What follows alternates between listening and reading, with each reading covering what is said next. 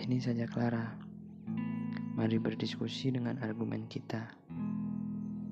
Semoga berguna untuk kita semua.